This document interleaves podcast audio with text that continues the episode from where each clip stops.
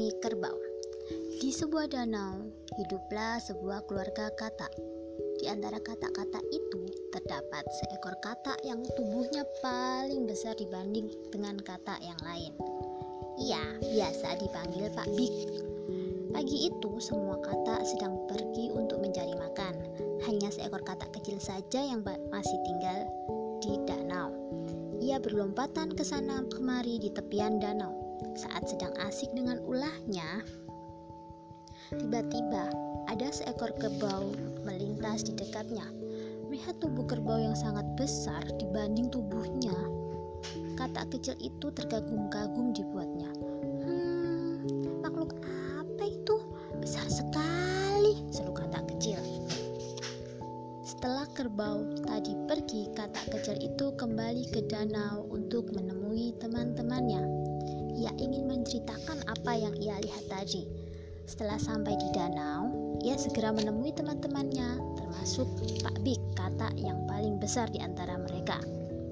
Teman-teman, teman-teman, aku tadi melihat binatang yang sangat besar dan mengagumkan. Celotehnya girang.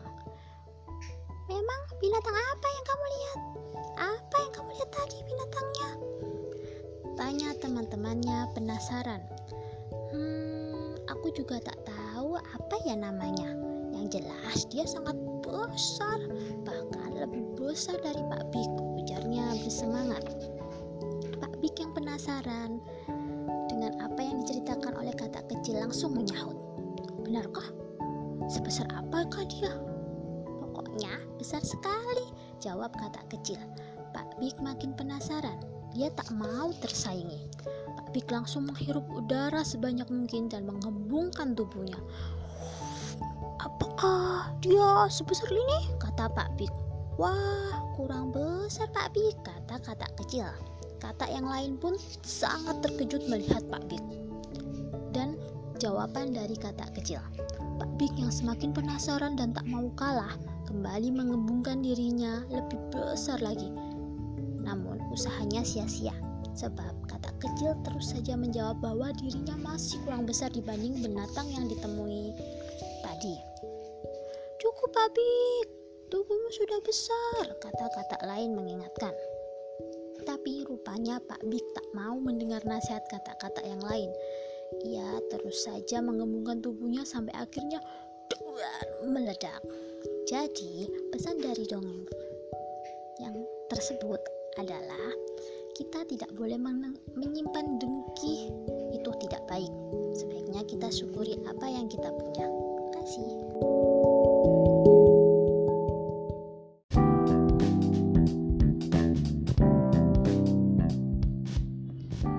Arba si penata rambut. Suatu pagi, saat semua keluarga Robinson selesai sarapan, Arba mengumumkan bahwa dia telah diprogram untuk melakukan tugas baru, yaitu menjadi penata rambut. Sekarang aku bisa memotong rambut semua orang, kata Arba.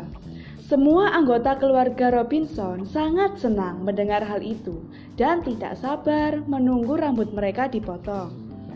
Tapi siapa yang akan mendapat kesempatan pertama? Talula ingin mendapat kesempatan pertama. Aku ingin tampil cantik seperti model-model di majalahku ini, pintanya kepada Arba. Tidak, aku ingin menjadi yang pertama. Model rambutku yang jabrik sudah mulai hilang dan aku menginginkannya lagi. Wilbur bersikeras.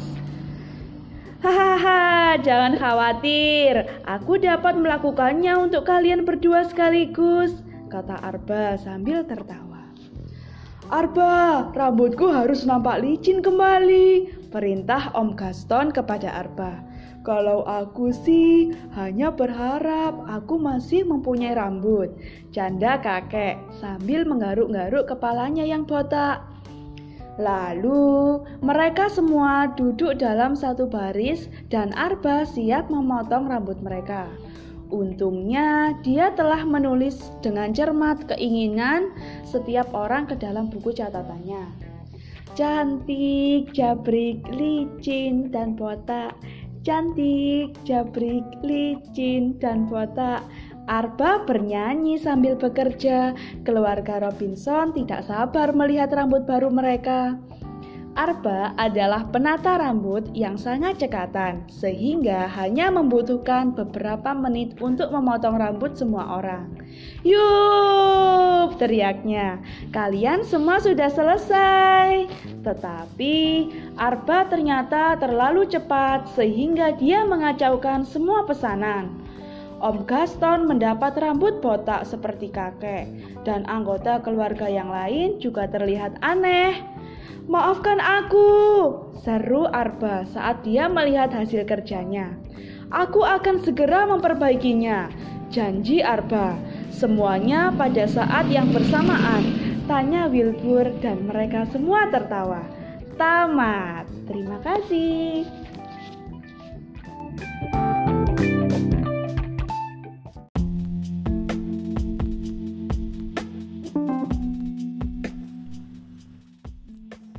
Kisah Jaka dan Pengemis Di sebuah desa, tinggallah seorang pria bernama Jaka dan juga keluarganya.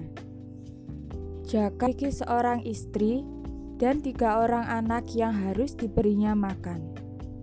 Sayangnya, saat itu sedang musim hujan dan sudah lebih dari satu minggu hujan tidak berhenti.